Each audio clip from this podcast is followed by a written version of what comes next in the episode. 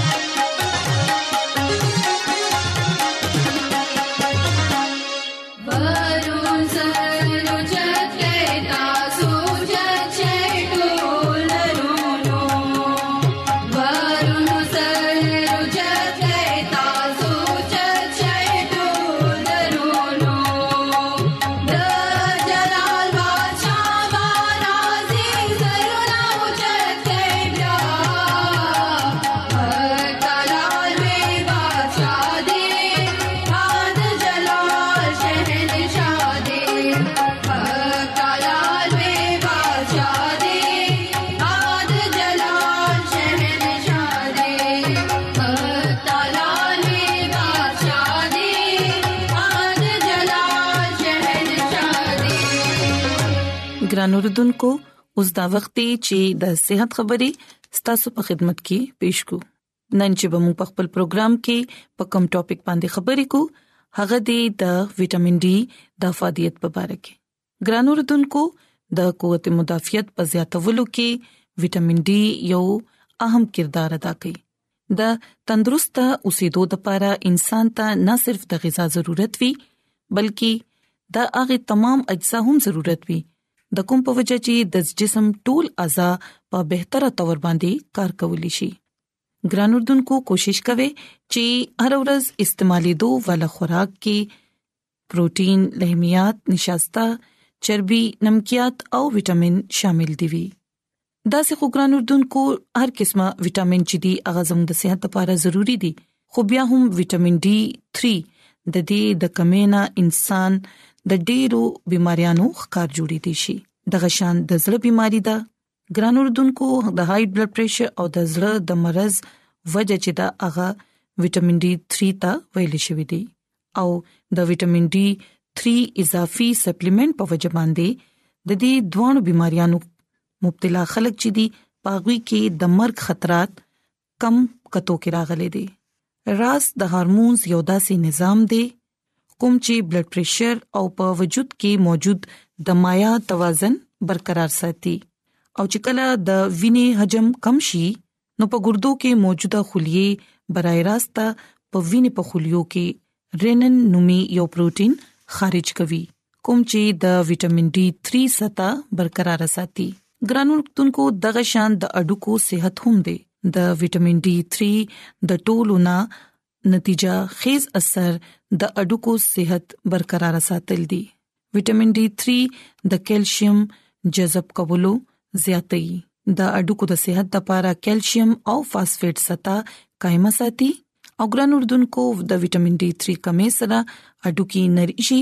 او ډیر په اسانه سره دا ماتې دي شي او د دې کمی په ماشومانو کې د ریکټس او په لوی افرادو کې د اوستومیشیا باعث جوړیږي دغه شان ګران اردوونکو د جلد صحت هم دی وټامین ډي 3 مایکروفیجز نومي یو سپینې خلیې چې دی داغي اغه ته هم تحریک بخي او دا سپینې خلیې چې دی دا محاسي ختمي او دا بکټریا داسې پروتين خارجي کوم چې د سوزش باعث جوړ شي او جلد تباہ کوي د دوانو د سرخه او د پړسیدو هم دغه وجه ده ګرانو دونکو د بهترینه قوت مدافعت د پاره وټامین ډي ډیر زیات اهم کردار دی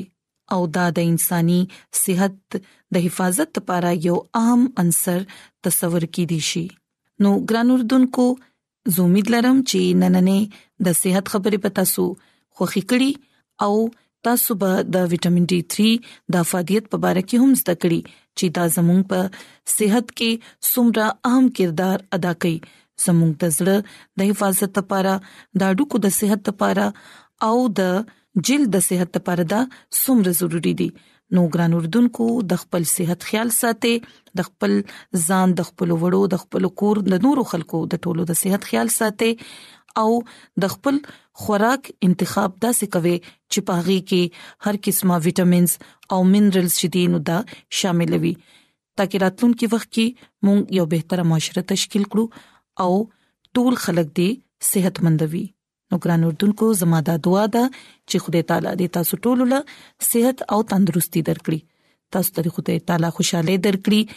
او تاسو چې هر چرته یې خدای تعالی دې تاسو حفاظت او نگہباني وکړي نو ګران اردوونکو راځي چې اوس د خدای تعالی په حمد تعریف کې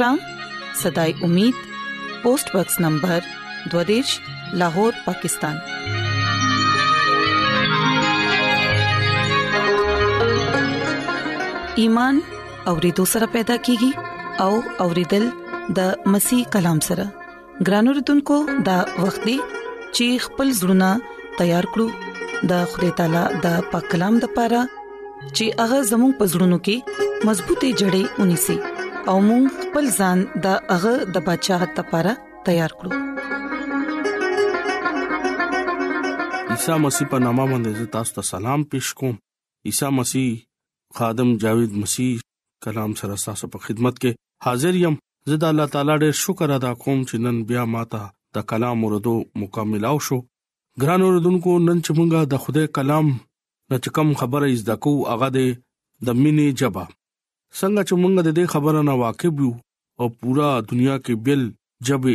شتا او ډېر جبونه مونږه نا واقف یو او ډېر جبونه مونږه واقف یو دا سې جبه هم دي چې مونږه دغه نه بيخي نا واقف یو ګران اوردونکو مونږه ګورو چې ارجبا یو مقصد ته او چې کم دې کم خلکې اغه جبا اغه خلک التا استعمالي او ډېر خلکو دا خواهشي چې مونږه ډیر زیات جبه وایو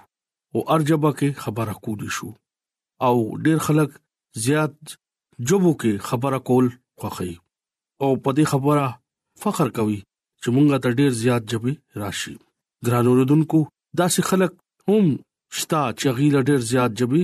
راضي او داس خلک هم شتا چې اغیلا یو جبم ناراضي ګران اردوونکو هغه جبا به تر را چې کم د مینې جبای ویل شي چې یو سړی او ډیر تعلیم یافته او هغه ډیر د جوب باندې ابور حاصلو هغه په دې خبره ډیر فخر کول او زیات جوب باندې خبره کول شو او ډیر جوب علم ورسره وو ګران اردوونکو خپل خلکو کې رالو او غیر کومونو خلکو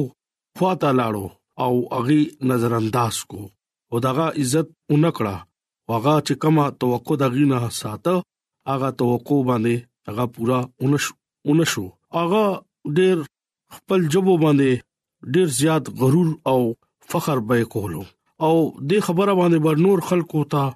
بد به غنو ګرانو دنکو جبدا سه پکار دی چې هغه د مینې او د محبت جبا پکار دی چې هغه ار سړې خوخی او ستا عزت هم کوي او هغه جبا قبولای مو ګرانو دونکو د مینې جبا چې د هر قوم او د هر قبيله او هر مذهب او هر رنگ او نسل سړي د پاره باعث برکت وي او هغه خبره هم پويږي چې کم مینې سره ویلې شوی د مینې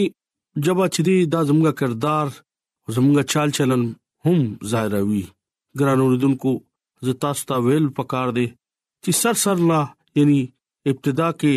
الله انسان خلق کړو او هغه ټیم الله یو جبا کې خبره وکولا بایبل مقدس په دې خبره کې ډېر خاموش دی چې دا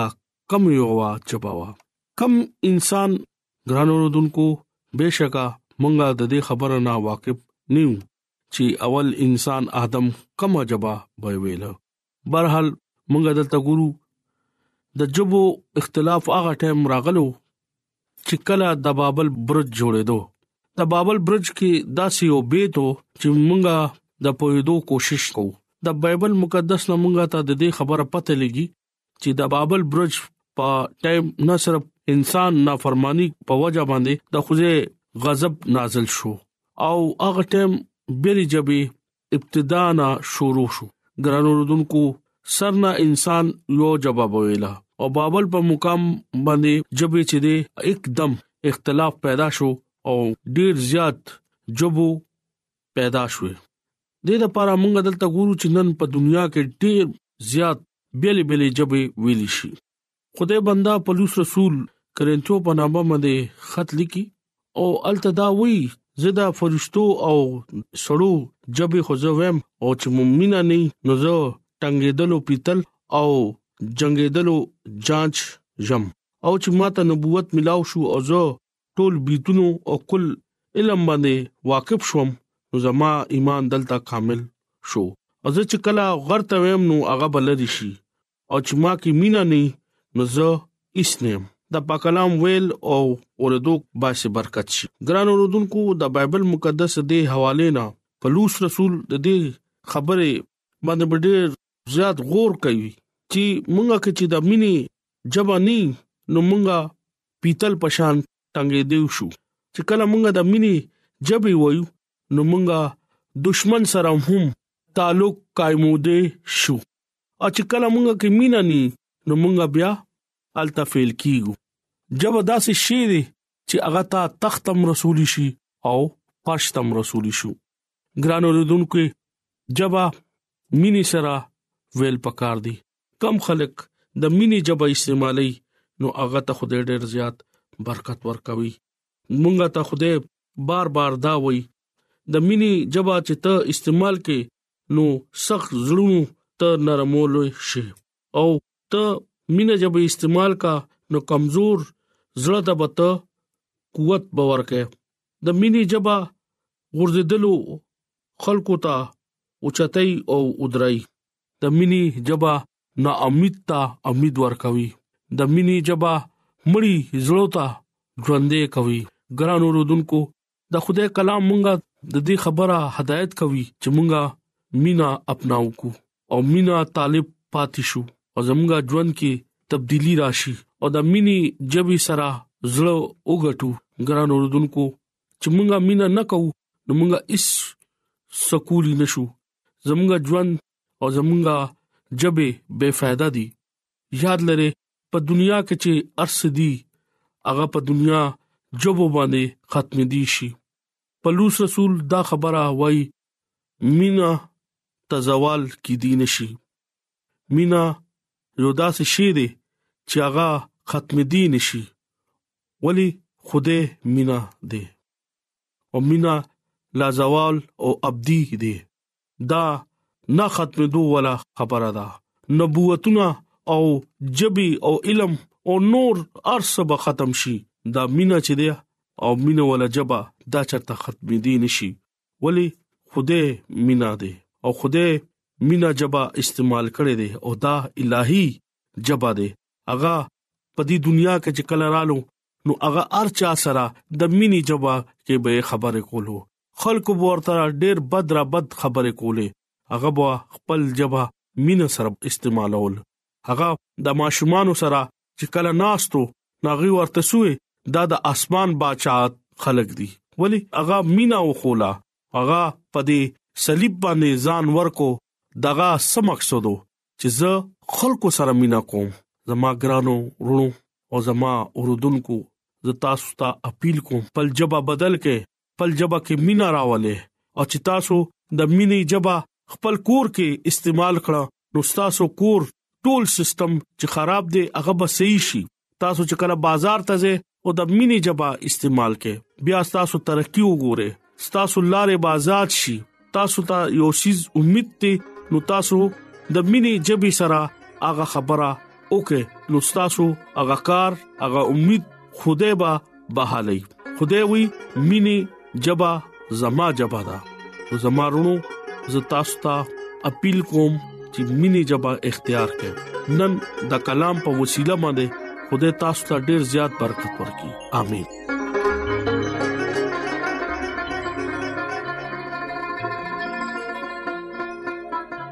راځي چې دعا وغوړو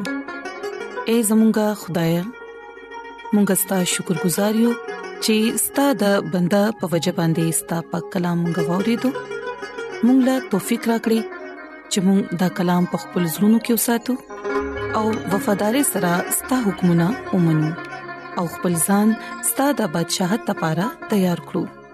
زه د خپل ټولو ګران وروډونکو لپاره دعا کوم کو چې پاغوي کې سګ بيمار وي پریشان وي یا په سمصيبت کې وي دا غوي ټول مشکلات لری کړی